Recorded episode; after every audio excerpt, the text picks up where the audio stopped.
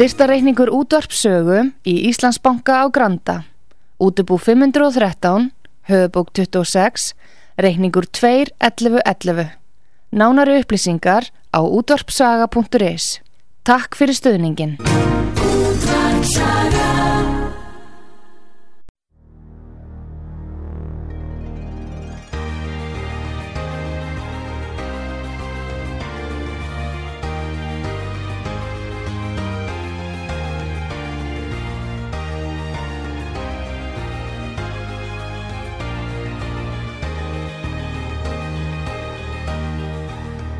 Heimsmálinn í umsjón Pétur Gunnlaugssonar. Fréttir og fréttatengt efni af Erlendum Vettvangi.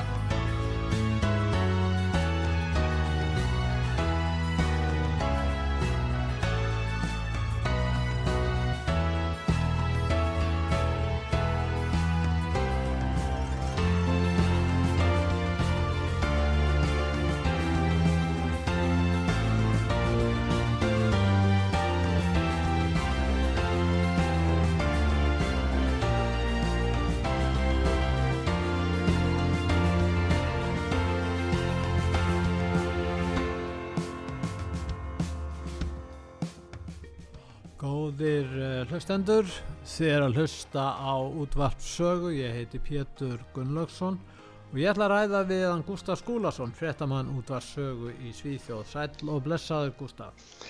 Já, marg blessaður Pétur og hlustendur útvarpsögu.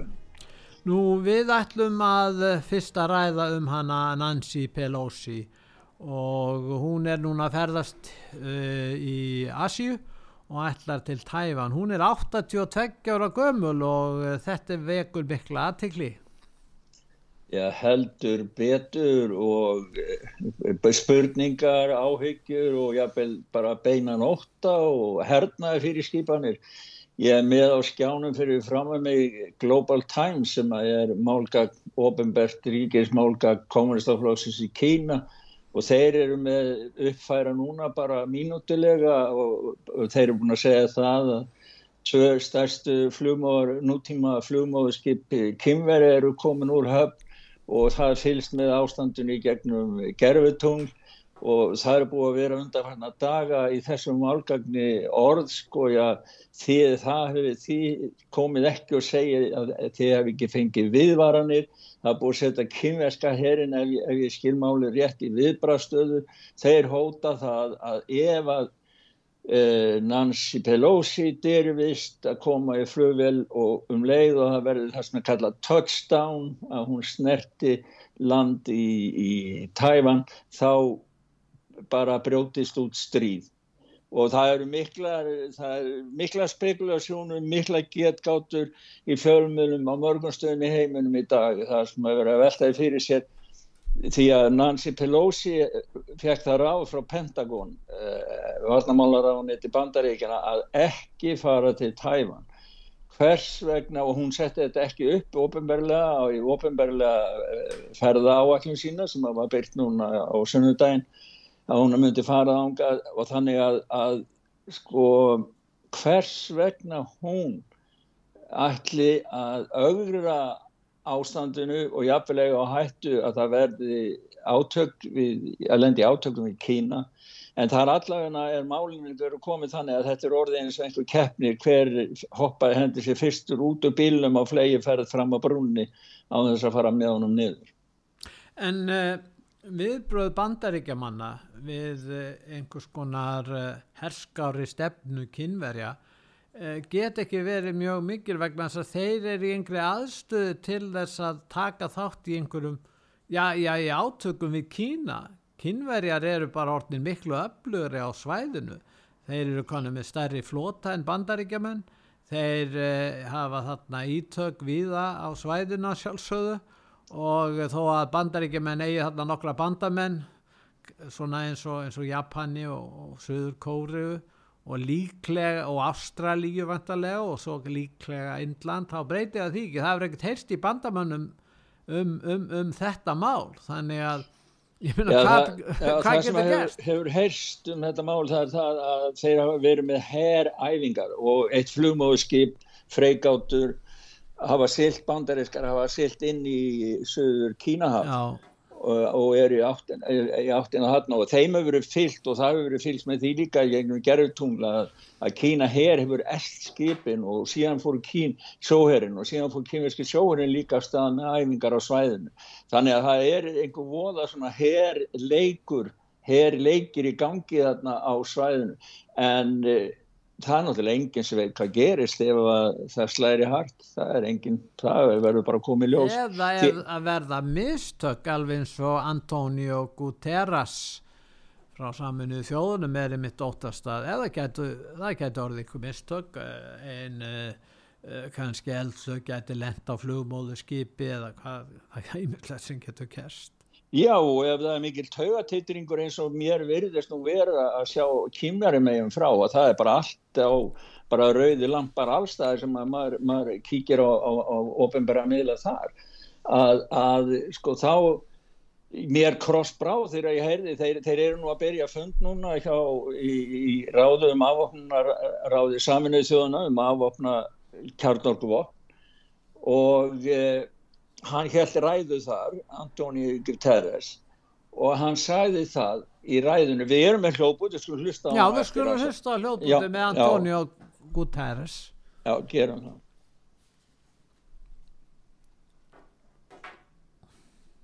Almost 13,000 nuclear weapons are now being held in arsenals around the world. All these at a time when the risks of proliferation are growing and guardrails to prevent escalation are weakening. And when crises with nuclear undertones are festering. From the Middle East and the Korean Peninsula to the invasion of Ukraine by Russia and to many other factors around the world. The clouds that parted following the end of the Cold War are gathering once more. We have been extraordinarily lucky so far, but luck is not a strategy, nor is it a shield from geopolitical tensions boiling over into nuclear conflict. Today, humanity is just one misunderstanding, one miscalculation away from nuclear annihilation.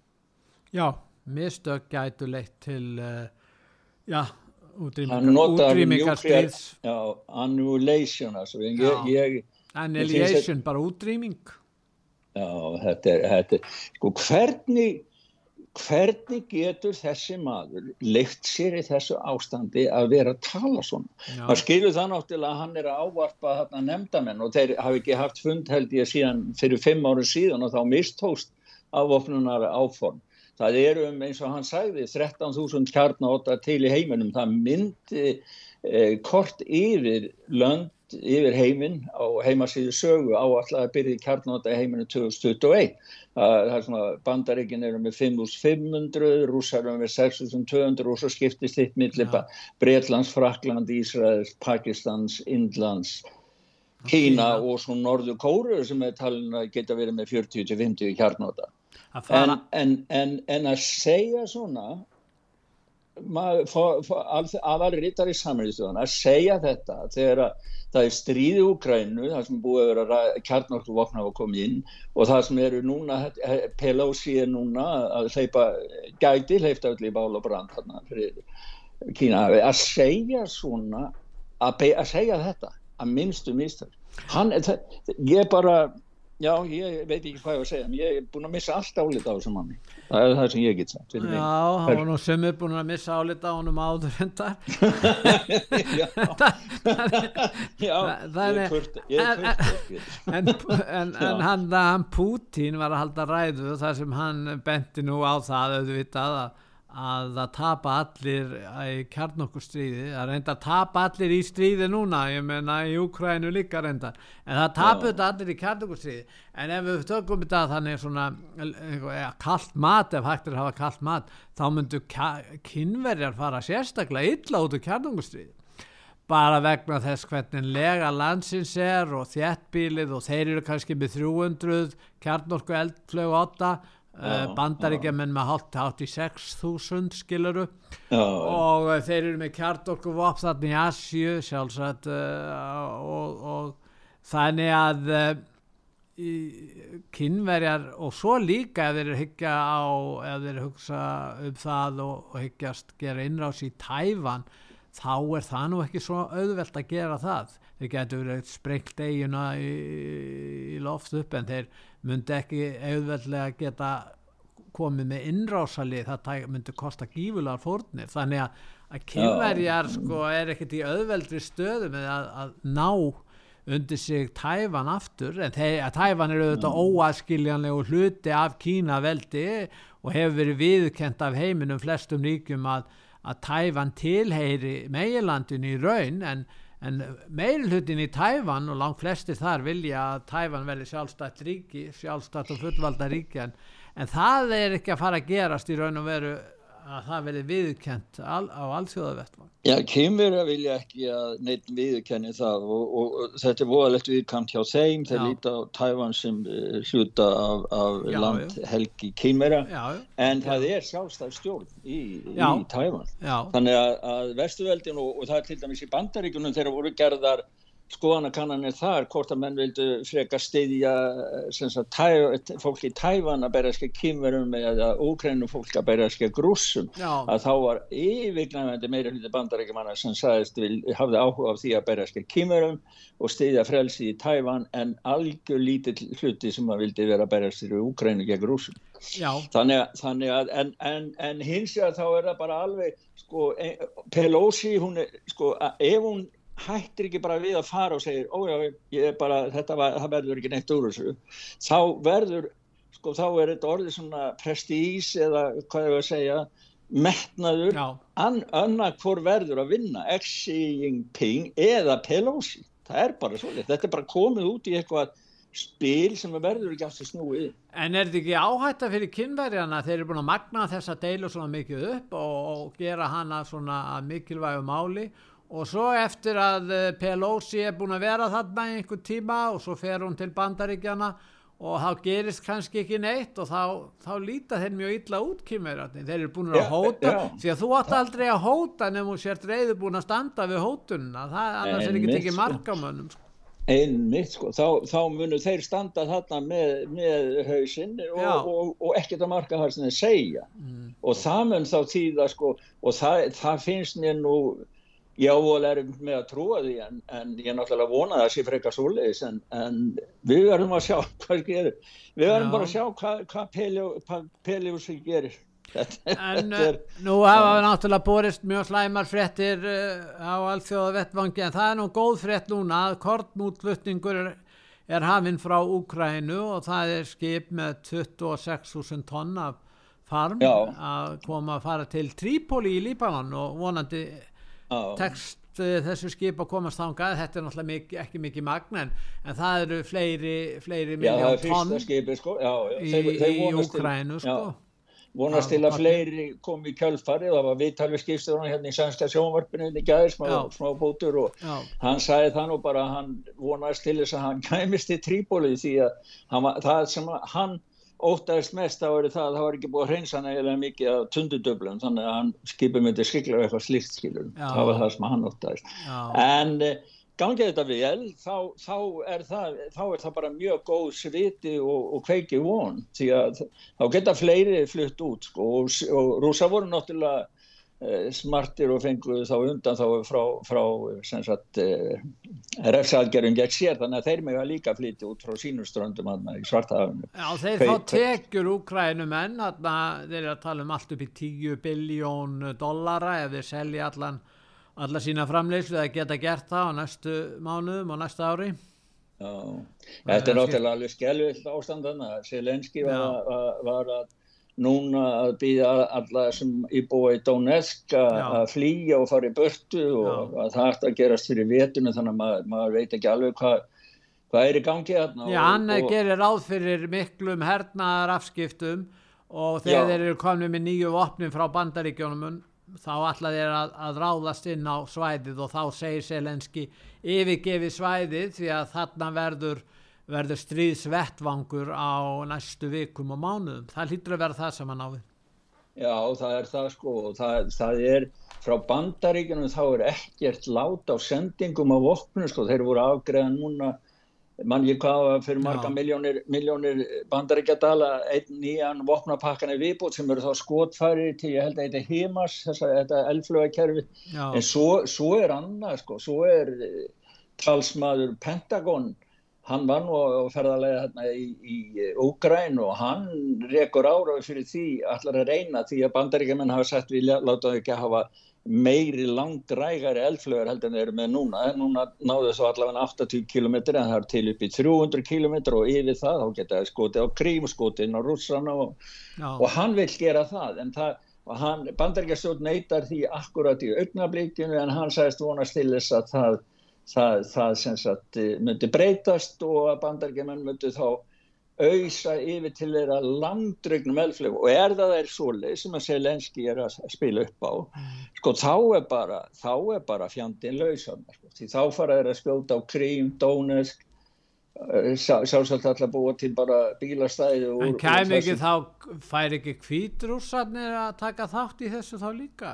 Myndi, ekki, Putin segja við þá, já þið verður nú, þið eru bandamenn okkar, þið verður að eigi landamæri á Úkrænu, lengstu landamæri, þið bara ráðist inn í, í landið.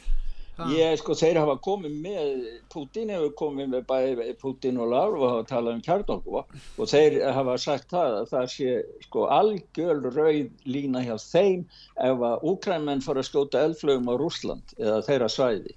En Sá- er þetta tilviljun að þetta er alltaf gerast núna á, eftir að Biden verður fósiti? Nei, Ha, er það tilviljun- það, það er engin tilviljun því að eftir að Biden var fórsetið þá er bandaríkja stjórn búin að leggja 8,8 miljardar dollara, ég man ekki það er 1,2 biljónir íslenskar króna í vopn til Úkrænu. Þetta er ekkit stríð Úkrænu við Rússland, þetta er stríð bandaríkjana við Rússland, þetta er stríð NATO við Rússland. Að og veika, Rússlands við NATO. veika rúsneska herin eins og hann sæði varnamálar á þeirra bandaríkjana. Já, Þeir, já. á, Nei, þannig að það er sko, það er mikið, mikið sko ástandið í, í heiminum og ástandið í bandaríkjunum, bandaríkjumenn eru alveg í bara, sko þar er allt bara tvískipt og heimurinn er bara að verða tvískiptur sko. já, Það, það er, það er sko bandaríkja stjórn, það er Biden, það eru demokrataflokkurinn og svo náttúrulega Trump og republikanar á, á hinum endanum. Og Trump náttúrulega nota hvert einasta tækifæri til þess að hakka á sínu stjórnmálaðanstæðingum já, en Biden hefur sko Biden er á gjörsamlegu undanhaldi í, í bandaríkjanum gagvart uh, kjósendum þar. Það var uh, ný skoðanakonum daginn þar sem að 75% af flokksmöðunum demokrata vilja fá annan fórseta frambjóðanda núna 24 heldur með Biden. Og það hlýtur að vera reyðarslag og sögulegt að flokkurinn skulle ganga gegn eigin fórseta á, á sama hátt og tekið í heildina yfir öll bandaríkina þá er bara 18% bandaríkjamanna sem stíða frambóð hans til fórseta 2024 þannig að, að stefna hans á engan hljómgrunn í bandaríkjanum lengur en það er virðist vera sífælt meira harka að færast Já. í uh, stjórnmála átak. Við ættum kannski að hlusta, við vorum með Trump, hann var á fundi og ungum íhalsmönnum núna um daginn og hann var að gaggrina og ættum að hann segir að Heyra. bandaríkjum, bandaríkjunum er stjórnað af spiltum og sjúkum illmennum, er ekki það hljótbút? Við skulum hlusta á þann hljótbút. Your generation will not let them do what they want to do to you, which is bad, bad things. We're going to take back our liberty. We're going to take back our destiny. We're going to take back, very soon, our country. The difference between our movement and the forces we're fighting against could not be more stark. They believe in censorship, cancel culture, intolerance, and rigid conformity. We believe in free thought, free assembly, free expression, and a thing called free speech. Já, Já, það var nú bara svona aðeins um svona, þetta er bara eitt stutt, hann talar yfir litt klukkutíma, Já, um tíma. en hann er farin að tala, sko þetta er uh, mjög illvíg og erfið, uh, erfitt uh, stríð þarna á myndli þessara flokka í bandaríkjunum. Trump talar um það að, að Biden sé bara með heilabilun það hefur verið raung, raung hann- sjúkdómsreining hann væri ekkert með COVID tvisvar með COVID, hann væri bara með heilabilun þannig að svona rættum en ekki um anstæðinga sín í stjórnmálum í bandaríkjánu hér áður fyrr þótt að væri nú, njá ekki svona. Nei, nei, nei, ég, menn ekki, nei, ég er alveg, alveg sammála því og það er, sko, Trump kemur inn í stjórnmálun utanfrá og hann er ekki stjórnmálamaður frá byrjun, sko, þannig að hann kann ekkit alla þessa fínu, fínu dansbor sem að demokrater og republikanar og stjórnmálanstæðingar dansa og vangadans og allt Já. það e, e, til þess að, að, að, að vera saman í kerfinu. Hann kemur utan frá kerfinu, hann kemur frá, frá atvinnulífinu Já. og hann kemur með sína svona New York eh, takta sko. og hann var, bara- en það er eitt í þessu sem ég finnst að menn hafa glemt sko. Trump var frjálslindur demokrati frá New York já, og hann var það á sínu tíma og lengi framvettir Nú, hann þekkir vel vinnubröðin, sko, demokrata stjórnmálin og viðskiptin í, New York er ekkit, er, er ekki fyrir hvert sem er að standa í, skilur. Það er samkeppnin sko alveg skelvileg og, og harkan mjög mikil. Og hann kynntist bæði stjórnmálunum og viðskiptunum í New York. Og hann veit og, og kann alveg inn á það hvað aðferðir að demokrater beita. Þeir eru sko ekki barnana bestir því að þeir svífast einskis í, í, í áróðri sínum. Og ég myndi segja Trump og Giuliani sem var demokrati líka reyndar hann var nú Já, alveg upp já. í New York líka var reyndar borgarstjóri þar. Þessir menn ólust upp hjá demokrataflokknum og lærðu þetta þannig að það má kannski segja og síðan eru komnir yfir til republikana og baráttan og fyrirlitningin og harkan. Og þessir hörðustu republikana, þeir voru eins og Reagan, hann var demokrati þetta eru, eru allt saman stjórnmálamenn sem voru demokratar en fóru yfir í republikanaflokkin, þetta er svolítið aðtiklisvert já það, er, það er eins og hjá svo mörgum öðrum sko, me- menn geta þró, þroskan skilur Já, þeir, þeir sögðu það. Það var eins og Reagan sagði sko, hann hefði ekkert yfirgefið stefnu demokrata, en demokrater hefði yfirgefið stefnu sína eins og hann skildana, þess vegna neittist hann til að fara úr flokknum. Já og svo er bara sko, eins og ástandið er núna það sko sömu demokrater í stjórnmálunum þeir, þeir ræða þannig að það, það er ekki hægt að ræða raunveruleikan, þeir lifa í sínum eigin heimi, það er cancel culture eða höfnunamenning, það er pólitísk réttskoðun og það er erfitt að ná með staðrindir inn í pólitísku umræðan í dag. Það er gríðarlegt upplýsingastríð. Það er áróðstríð, það er upplýsingarstríð í heiminum, við sáum hvernig netrisarnir ganga erinda kínverska kommunistaflokksins, slökkvanir öllum, þeir voru nú að slökkva niður á einu ein, ein við stærsta, reyna að slökkva á einu við stærsta miðli úklaga kínverjar sem að er er er eru stjórnarnanstæðinga við kínverska kommunistaflokksins, það verður að slökkva því í heiminum. Og svo, svo heyrum við núna, við ættum að hlusta á annan hljópand sem er svona líka þáttur í þessu upplýsinga áraðstríði og það kemur frá rússum. Já, Þeir- þeir, eru nefnilega sko að hvetja fólk til þess að flytja til Rússlands. Og þetta tengist því náttúrulega Gustaf að sko það er verið að tala, við erum að tala um uh, hvernig stjórnmálun er í bandaríkjunum, það er meðal annars vegna þess að, að nú eru bandaríkjumenn og Vesturland að upplifa minkandi áhrif og völd. Það er verið að tala um hnignun hinn vestræna heims og endalók yfir á það eins og Viktor Orban er að benda á. Og, og núna í þessu myndbandi eru rússar að hæðast af Vesturlöndum að nú ættu bara Vesturlanda búar að koma til Rússlands því það sé betra að búa þar. Við skulum hlusta á þennan hljóðbút sem þú varst að benda á. Já. is Russia.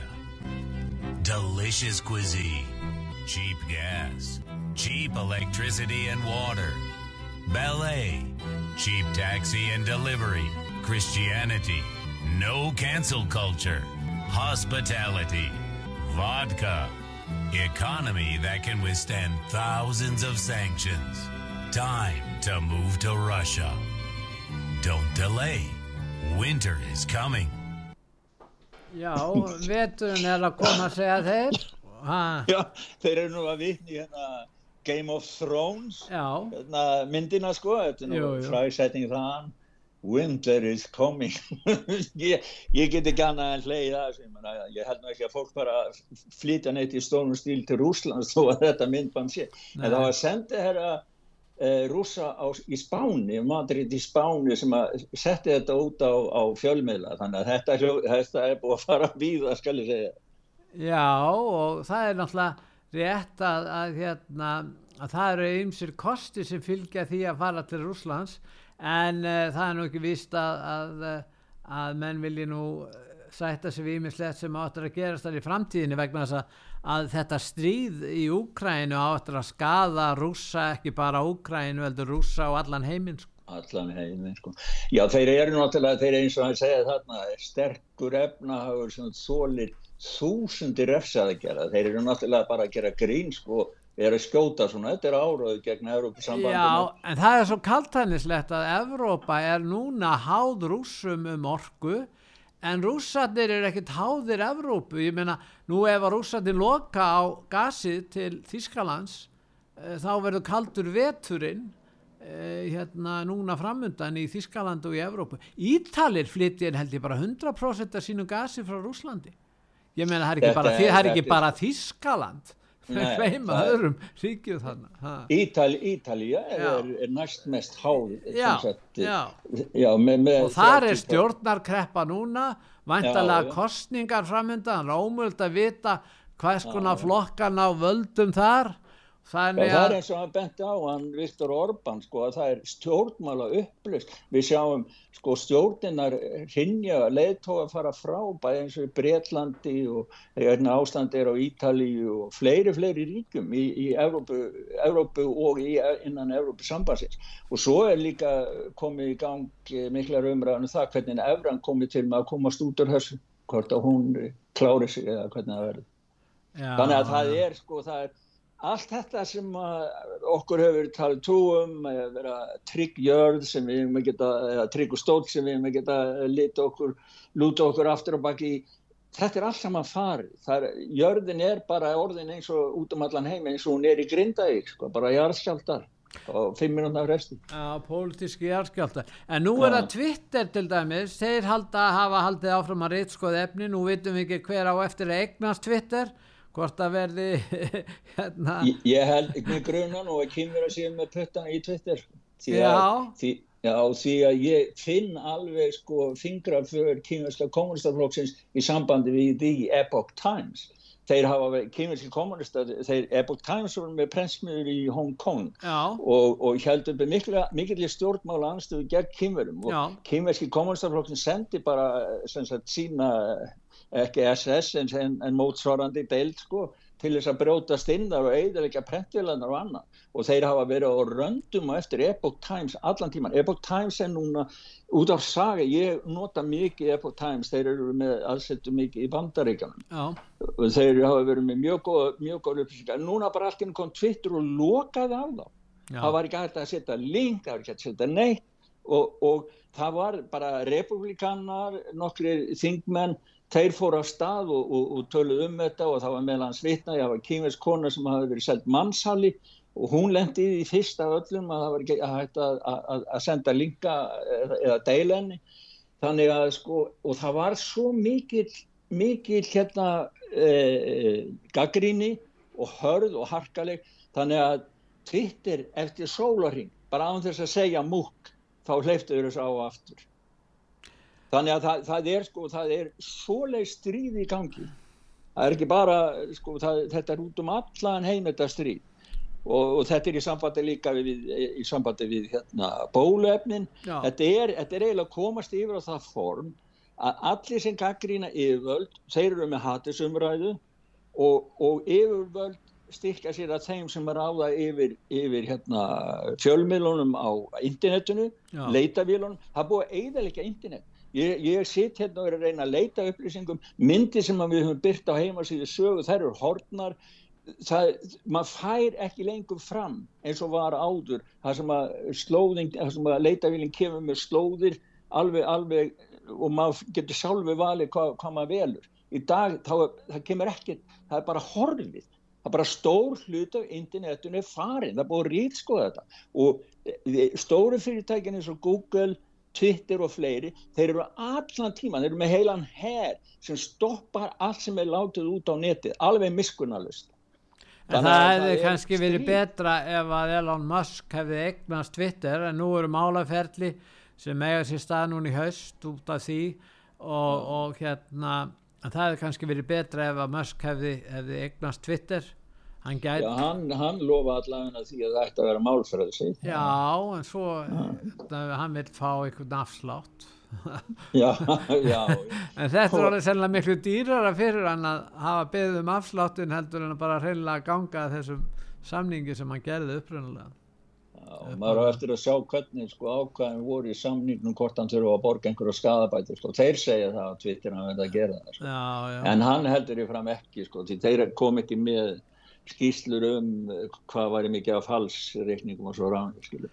nú Nei, er, þetta er, þetta er, ég finn alltaf meir og meir kynverst bræða það er drekin er komin á stað. Sko. og að þeir vilja til dæmis uh, til dæmis nú er þetta sem hafi verið gerst í, í Hollandi er að gerast í Kanada og, og World Economic Forum er með ákveðina stefnu og, og ymsir hafa stutt uh, hollendikana og bændur í Kanada og þessi stöðningur við þessi öll næri ekki fram að ganga í samfélagsmiðlunum því að það er verið eins og þú ert búin að benda á núna verið að íta til hliðar upplýsingum sem eru ekki ásættanlegar fyrir þá sem eru að stýra þessu af pólitískri já, hörku þarna innan samfélagsmiðlunum. Já, og svo er þetta, þessi svo kallar haturs umræða. Sko. Já, hún er það. Þe- Þetta er að Evrópusambandinu innleitt í flestum ríkum Evrópusambandana og hérna í Svíðsjóð þá er bara gangaði bara út alveg opið sko eins og ég sagði frá, við rættum einhver tíman að Google var með fólk hér hvernig hann átti að, blanda sér inn í kostningana hérna að sortir að bört frétti hérna og í, í kostningabaráttinu núna í, í kostningunum í Svíðsjóð í haust bara í næsta mánuði í september.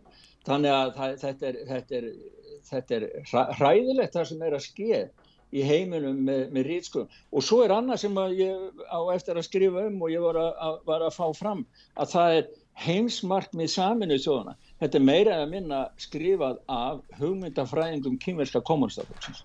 Það má náttúrulega ekki segja þetta. Að, ég meina, vestræna stjórnin sé að vinna að áætlun um, um kólefna, kólefnalosun uh, og heimsmarkmiðu saminu þjóðana 2030. Þetta, þeir voru með menn frá kýmverska kommunistaflokknum hugmyndafræðinga sem voru með í að búa til þessi heimsmarkmið.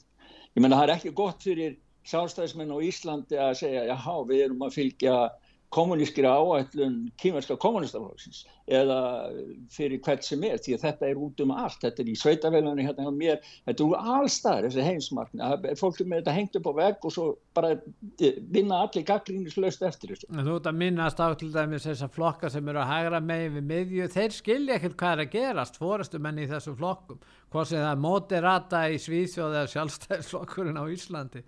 Þeir eru ekkert að spá í þetta, þeir ræða aldrei um þetta. Þeir bara einhvern veginn eru aðal í því að hugsa um sjálfa sig eða eitthvað allt annað, þannig að þetta er Ganga, mjög... Ha, ganga sofandi að feyðar ósi ganga Já. sofandi að feyðar ósi og þeir sem að þurfa að borga þetta og þeir sem að þurfa að laga þetta það er venjulegt fólk.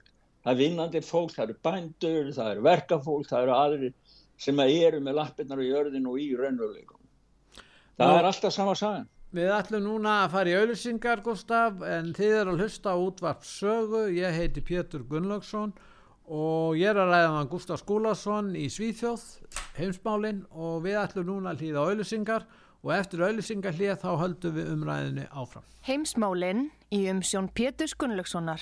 Fréttir og fréttatengt efni af Erlendum Vettvangi.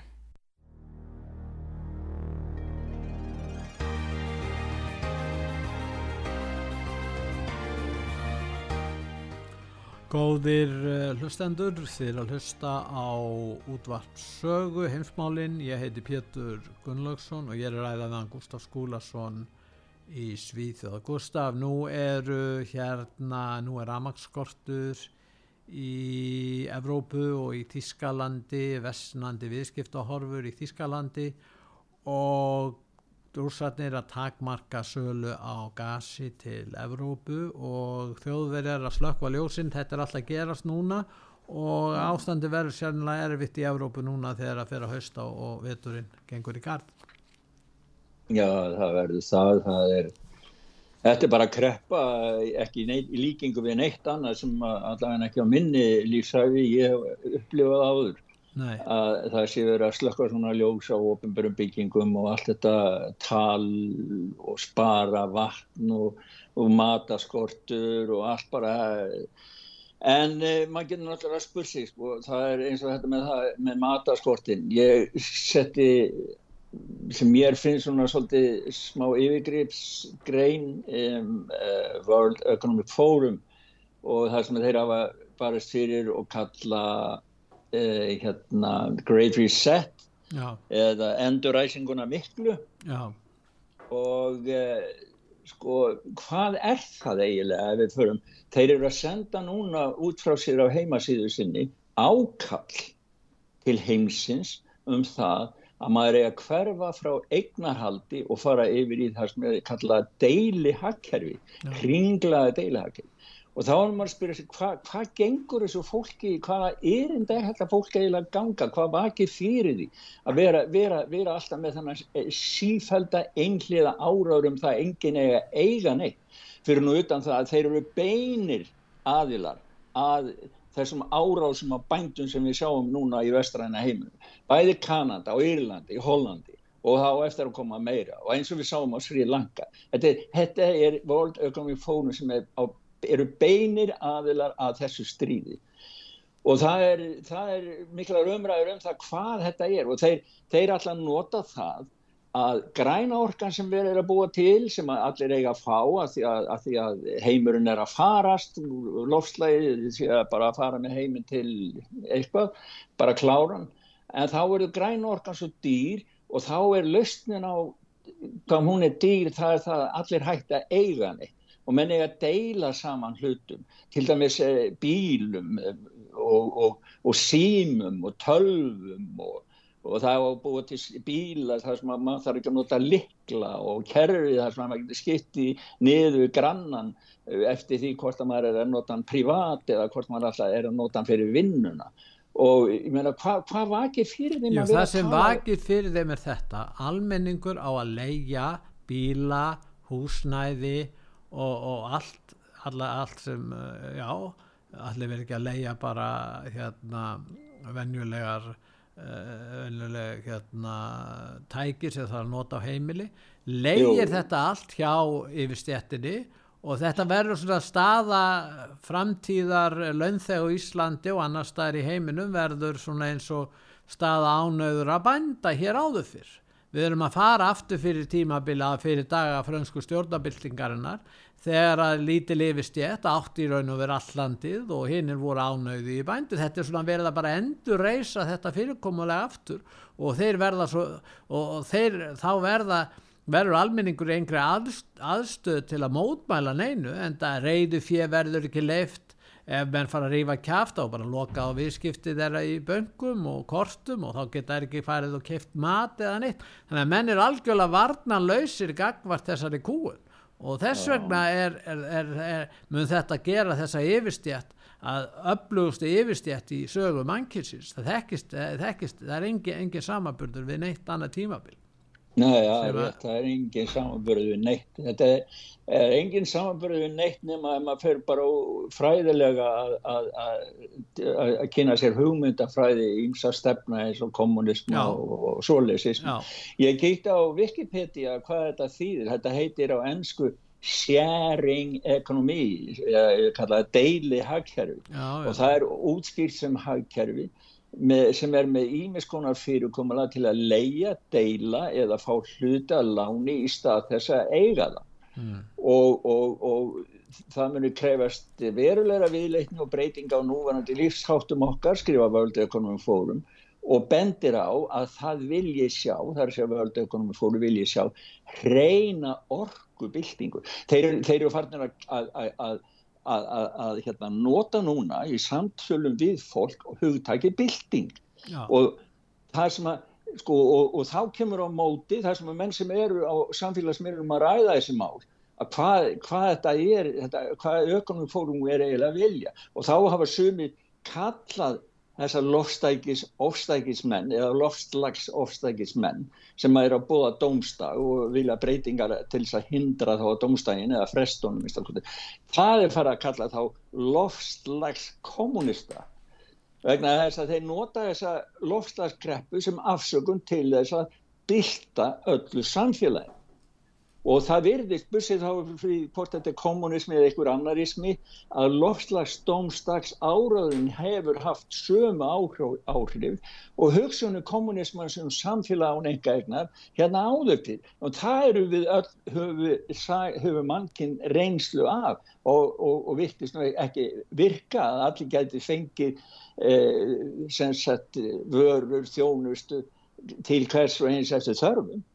Það hefur ekki virkað Rekin var svo stefna á Íslandi að flestir eignust sína fastegn, séregn, það verið séregn einstaklinga og þetta var gæ, góð og mikil gæfa fyrir allan þorra landsmanna.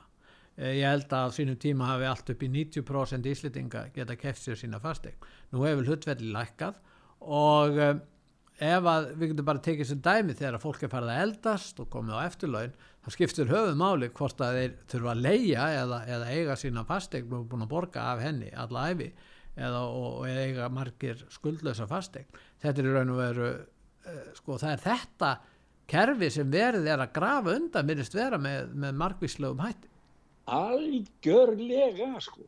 Er verið, þetta er sko gjörsamlega anstæðið þess að, að maður lítur á að maður er döglur, vinnur sjálfur, að maður hafi sjálfur áhrif á það, að maður möguleika á það að þróast, byggja, byggja sagt, eh, betur undir sig, þeir sem vilja og þeir sem geta og, og, og að maður ma, ma, ma, fái þá smá umbun fyrir það. Hvetja til sjálfsbjargarviðletni. Sjálfsbjargarviðletni, alveg það er gott hugtak, sjálfsbjargarviðletni, þetta er besta hugtaki sem er til í heiminum í dag og, og, og þetta er það sem er verið að grafa undan algjörlega. Og, og ég meina hvernig hugsaði Pétur? Ég meina sko ég á bíl ég meina hérna út á, út á bílastæði. Já. og ég meina ekki myndi ég vilja sko ég á þennan bíl. Hann skrifar á mitt nafn ég á hann og það kemur engum við hvort að ég keiri hann meiri en fjóra mínútur á dag. Ákveður ætti einhver annar að hafa áhyggjur af því hvort að ég nota bíli minn 24 tíma stöðu eða 12 tíma 6 tíma, 2 tíma eða bara 4 mínútur. Ég meina World Health Organization þeir eru komni nýður á þetta nýður á, á, á, á þetta plan að þeir eru að ræða um það sem, sem ástæðu til þessa eh, rauk fyrir deilikerfinu já það eru svo margi bílar sem eru notaði minna, þeir eru bara notaði meðaltæri fjóra mínútur á dag En veistu hvað elitan vill? Elitan vill ja. ekki, Gustaf, að þú eigið þinn bíl. Þú ætti að leia bíl hjá bíla, hérna, leigu elitunar. Sem ja. er náttúrulega miklu dýrara fyrir þig til ja. lengri tíma. En þannig og þeir takk einn hagnaðan á því og síðan stýra er því og hvernig orku þú notar og svo náður. Já, þeir, þeir eru reyn og verið að tala um sko samruna ríkisins við allt framleyslu kerfið og svo afnema þeir orðið enga egg, sko, Já. það er ekki til lengur, heldur erum við bara öll svona leiguleðar, það verður að breyta því Já, þannig eins og var fyrir fröðsku stjórnabildingu daga þess, það er, það er að segja fyrir daga borgarastjættarinnar, þannig að bara við höfðum ánöðu að bændur uh, yfir stjætt, aðalstjætt og svo presta og sem að þessar þrjástjættir voru til staðar og þá bara endur og það. Og prestanir það í, í staðan fyrir þá eru komin einhverju fjölmiðlamenn svona frjálslindir, segjast vera svo frjálslindir það eru svona einhverju álitskjafar þar og svo er það náttúrulega yfirstjætt, pening yfirstjættin og svo er það allur þóri almenning sem leigir hjá yfirstjættinni, hvort sem það er hús eða bílar eða eitthvað annar og borgar allt, eh, já, þeir eiga allt í raun og veru og þá er sagt við hérna það er miklu betra að eiga neitt. En þá ættum maður að spyrja yfirstjættina akkur er byrjið ekki á eitthvað sjálfum? Akkur er uh, takkið ekki þá stefna að eiga neitt Já, Nei, þá væri þeir ekki lengur elita hérna. Nei, maður er alveg, ég get sagt það, það er bara dettur um manni andliti, maður er að sjá hérna í Svíþjóð, maður er náttúrulega skilur það að sósjaldemokrater og svo kallaðir jafnaðamenn að þeir, þeir vilja bara koma á deilihagkerfi hérna í Svíþjóður, ekki ára fyrir því, vaksandi hlutur í sænsku samfélagi, verið deilihagkerfi, svo koma mótir að þannig, já, já, deilihagkerfi, það getur nú virka vel og maður getur nú nýtt ímislegt, takk fyrir að það sé eh, ný tegund eignarhals. Ég meina, bara, man, man bara sér fólk bara að lappa á eftir þessu eins og bara, ég veit ekki hvað. En sem betur fer, Pétur, betur fer, þá eru til rætti gegn þessu. Já. Og hann talaði herfóringi, bandarískar herfóringi, Mike Flins, hann talaði á, í Amsterdam á risaskjá á útifundi 23. júli þegar var heims mótmæli til stuðnins eh, hollenskra bænda. Það er engin fjölminnar stóri fjölminn að segja frá þessu. Það er sam, saman tekið ráð glóbalist í heiminum og fjölminnar þeirra að þakka niður og þegja yfir og þurrka út alla fréttir um baróttu bænda gegn glóbalistunum. Við skulum heyra hvað hann sæði Mike Flynn til bændana og til hollensku þjóðara það er, þetta minnir mig á á, á hérna talið sem hún held, ræðinu sem hún held um Guðrun sem var mikið spilað á útvarpi sögu í sambandi Já. með æsir. Við skulum heyra í Mike. All of our rights are under attack. The people everywhere are engaged in peaceful resistance against the globalist elite. To the people of Holland, we stand with you. We encourage people everywhere to unite, stand up, step up, and speak up. Post and share the flag of Holland on all your social media sites. Make sure that the people around the world know that we stand with the Dutch farmers as they fight for their freedom and their abilities to be able to provide food for their families. Today, we are all Dutch farmers. Your struggle is our struggle. We applaud your courage and we fight to defend your land. Your ability to farm and your freedoms are under attack, and we're going to stand with you. So, God bless you. God bless Holland. And thank you so much. Já, hann Mike Flynn varar við kúun sem kemur úr öllum áttum og stendur með hollensku bændum. Já, þetta var, mér fannst þetta svona, þetta myndi mér svolítið á hérna, hvað er við að segja, þessar heitur æði sem, var- sem út á saga var með sem hún sagði hún Guður, ég mann ekki hversum, þetta einmitt. er sambandi við, við æsum, ég, ég fekk sömu tilfinningu þegar ég hlustaði á þetta eins og þegar ég hlustaði á hana þá. En, en nú er það þannig að, að Evran er nú frekar á í vöka verjast, nú eh, kanslari Þísk Östuríkis og uh, bendir á það að, að banna rússinsku gasi gengur ekkert upp og menn eru farin að gera sér grein fyrir því stjórnmálamenn í, í, í Evrópu. Nú Írar eru að gera sér grein fyrir því þeir get ekki haft opin landamæri, þeir voru nú ekki Schengen og ekki frekar en breytarnir þó þessi í Evrópusambandinu og hérna það er svona ímislegt að ske og Viktor Orbán uh, leggur áherslu á að, að ungverjar hafi sína eigin orkustefnu séu ekki háðir því sem Európusambandi vill gera. Þannig er að verða sko alls konar öfl innan Európusamband sem segja hingað ekki lengra við verðum að, að fara uh, verja aðra stefnu heldur en við á þeirri leið sem við erum núna. Já, það getur vel verið að við, ég segi ekki að verður svo leis, en ég er ekki hissa á því þó að Európa-sambandi myndi klopna og uh, fleiri lönd fara frá og svo myndi verða bara stofna eitt ríki með kjarna Európa-sambandsins undir, undir fórustu þjóðverða. En uh, sem betur fyrir þá eru líka góða fréttir á, á anna, annar veg því að við höfum upplifað og verið mjög mikið rætt allar þessar þvinganir í sambandi við COVID Já. og hvernig og margir gaggrína að, að yfirvöld hafa jafnvel bara verið að gera tilruninu til þess að sjá hvernig hægt er að skapa nýja passa og hverjir eru á með og hverjir eru á móti svona bara til að, til að láta reyna það svona en e, það voru að koma mjög góða fréttir frá bandaríkjana í sambandi við það sem að mér finnst að við verðum endilega að segja frá og það var um að, að hérna, það voru málaferli eh, í sjúgrós það var fólk kærði starfsmenn sem voru reknir eða þvingaði til að taka bólusetningar láta bólusetja sig í COVID þótt að þeir vildu það ekki Já. og það, það voru fólk sem gerði það sko að því að það trúabröð er það leifið en það ekki Já. og þá var það annarkvort þvinga til að gera það eða það röklast frá eða það var ekki burtu Já. og það, það er til uh, samtökarna ráð sem heitir, ég man ekki alveg hvað heitir en það, það er svona frelsis mannréttinda ráð sem hjálpar og kemur með löffrænga til að hjálpa fólki í svona mann og þeir kærðu kærðu sjúkrós og yfirvöld og það var að koma núna uh, samningur sáttmáli þar sem að þeir fá 10 miljónir dólar í skadabætur sem að fer þá til og ástæðan fyrir því að þeim er að greita þessar skadabætur er náttúrulega svo að það eru lög í bandarækjanum að réttindi eða trúalega hópa að maður verða að virða þeirra, þeirra trúabröð skilsnir Já, já, já.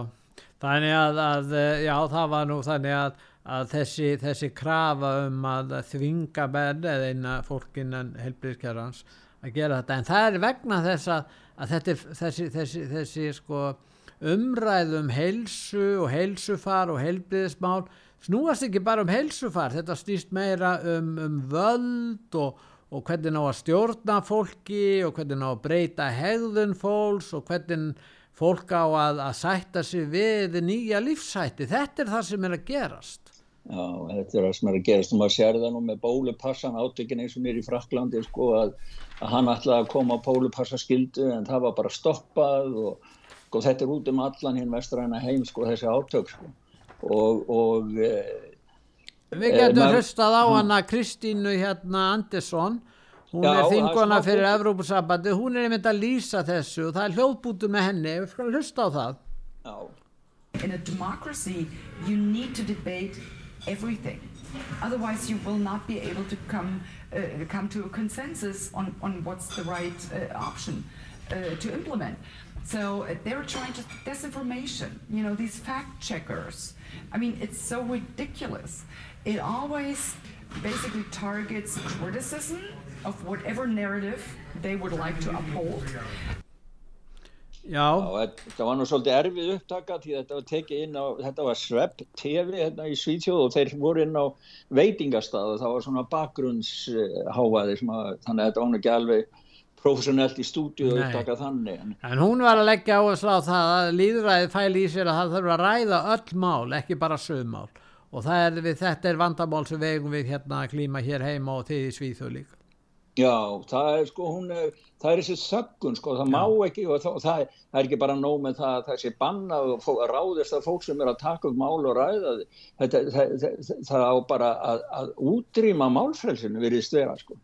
Við Já, erum til dæmis með á vefsíðunni í tveimur hlutum heimildamind sem afhjúpar áallanir alþjóða heilbríðismálastofnunin til að nota bóluefni og alls konar efni til þess að, að ég fækka heimsbyggðinni eins og kemur fram í þessum heimildamindum og ég hvet fólk til þess að fara inn á vefsíðunar okkar og vefsíðun út af saga.is en þarna er hægt að sjá hvernig þessi áallun er sett fram.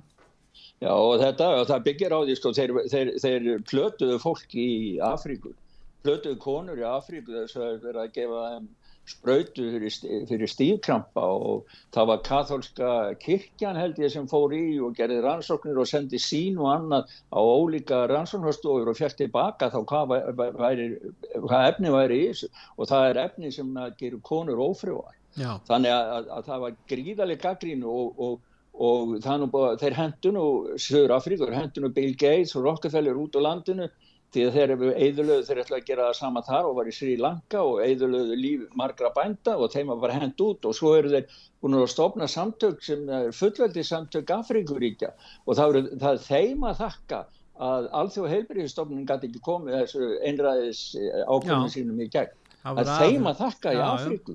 Við eigum þeim mikið að þakka sko að En það er Nei, ekki búið, það mál. Þeir að endur upptaka máli núna í haust. já, já, þeir eru alltaf áfram sko En við En svo- verðum að ræða eitt mál áður um að hættum Já, já. Það er þetta, þetta heiðursmorð þarna í Svíþjóð.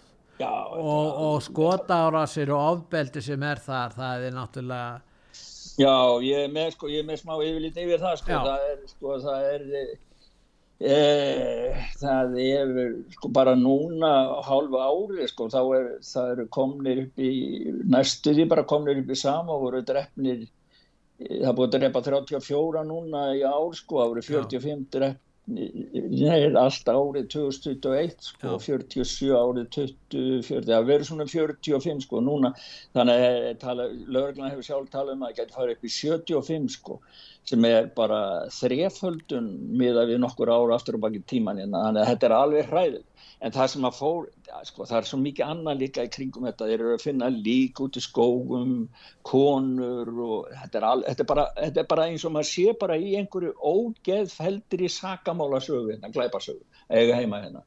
En það sem búið að vera, fjölmennina voru alveg uppfyllir af núna, það voru, það voru tveir rómabræður sem að kerðu og drápu móðu sína og sambilismann hennar, hún hafði hætt að búa með föður þeirra og vildi, elskaði annan mann og fór að byrja að búa með honum og þá er einhver róma réttar höld fyrir utan náttúrulega sænska kerfi. Já, sko, Sa- Róma þá erum við að tala um sem að menn kalla sígöina en svona menn nota orðið Róma fólkið frekar í dag, sko. Já, það er bannað að nota þetta orð sem þú sagðir, ég vona að þú verður ekki lögsóttu fyrir það. Nei, nei, nei. það er bannað, þetta er eitt af þessum bannorðum, þá er maður hatus. En má segja, gyp, má segja á ennsku gypsy. Já, ég, það, ég veit það ekki, Það sko, ég veit bara að hér er bannað að segja þetta orð sem þú sagðir. sko. En, en hvað er það? Þeir kærða, þetta var núna fyrir helgi og það voru vittnaðis og við, sjónvar, sænska sjónvarpið er búið að vera með mikið frásögnum með þetta og viðtal við saksóknaran sem hefur hækkað sagt uh, ásögnum. Þeir kærðu meðvitað, eldu uppi mömmu, sín, mömmu sína, Já, kærðu á hana og síðan tóku þeir og filmuðu og það er náttúrulega linkur inn að þá mynd á heimasíðu sögu, filmuðu eftir þeir kærðu á hana og voru að tala um sko, það eiginlega, þeir voru að tala til mannsins sko, eða, eða sonar mannsins sem að þeir kærðu á sko, já við vitum ekki hvort að þau eru döið og sennilega eru þau döið, þú myndi ekki sagða, svona gerum við í fjölskyldun okkar ef einhver er að, er að, er að svindla eða gera eitthvað. þeir viðurkendu þetta allt saman og, Já, já, og svo fóru þeir heim til af og ömmu, sko, sem að, sem að földu þá Já. og lögreglunum fór þanga og tók þau bara öll fjögur og stakti með steinun og það var bara alveg rétt hjá þeim. Því, og þá er það af og amma kærið fyrir það að, að fela glæpamenn, sko. Þeir viðkenna alveg morð og allt það. Þetta, þe- þeim fannst þetta bara vera, þeir voru bara stoltir yfir því og hann talaði um það að hárið að mömmu þeirra væri ennþá í brotinu í framrúðu bílsins. Ég meina þetta er svo ógeðslegt og ógeðfellt ég get bara sagt þér að Pétur ég bara, en hvað, er orðið flökt. refsingu, hvað, hvaða refsing dugar á svona fólk? Ég meina, hvað er þeir að sjá Já. lang, setjar kannski inni bara í nokkur ár? Já, það er alltaf, maður er alltaf að heyra um afslætti, fólk fyrir út eftir halvan tíma, það er unglingar, þeir, þeir toll ekki inn á þessum svo kalluðu unglinga heimilum. Voru þeir ungir er- þessir bræður það? nei, nei, nei, nei, nei, þeir eru alveg sakhæfir, sko, já, já, já, já. já, já, já. En, en hérna, þetta er bara, ég meina, að drepa móðu sína, það bara, það er bara hjá þeim, þeir eru bara, þeir eru bara að framfylgja, uh, þeir eru bara lögregla fyrir lög, heiðus lögin sem gilda fyrir þetta fólk. Þetta er þeirra menning og þetta er þeirra lög, þeir eru með eigin dómstól og hann mætti ekki maðurinn sem þeir kerði á, sambílismæður konunar, hann var kallaður til dómstólsins þeirra og hann mætti ekki og eftir það fóru þeir bara út og drápuðu. Ég veit ekki hvort að maðurinn dó, en hún dó. Hann, hann er á spítala, veit, ég veit ekki, ég hef ekki heyrt að hvort hann hafi lifað af kannar. Nei, það er nú svo. En uh, við uh, komið lag núna sem heitir uh, Xenadu uh, en Já. við ætlum að, að heyra það, þetta er svona finnst sko- fuglatíst og, og svona róandi flautulag. Já, ég hugsa bara með mér Þetta er orðið svo, bara, það er bara erfitt að vera fréttamaður í dag því það er ekkert náma svo leiðilega fréttir skilur það er stríð og orka og hungursneið og orkukreppa og bara við erum bara að fara inn í myrkur og ég veit ekki hvað. Þannig að, jafnvel besta fólk. kjúreka myndir fullar upp á ofbeldi eru róandi í samanburði við veruleikan sem við búum við. Já, við ekki bara flauta, fara flautandi inn í daginn, Pétur, ég held það. Sjana, þú, já, þakka þér fyrir, Gustaf. Já, takk fyrir, takk fyrir.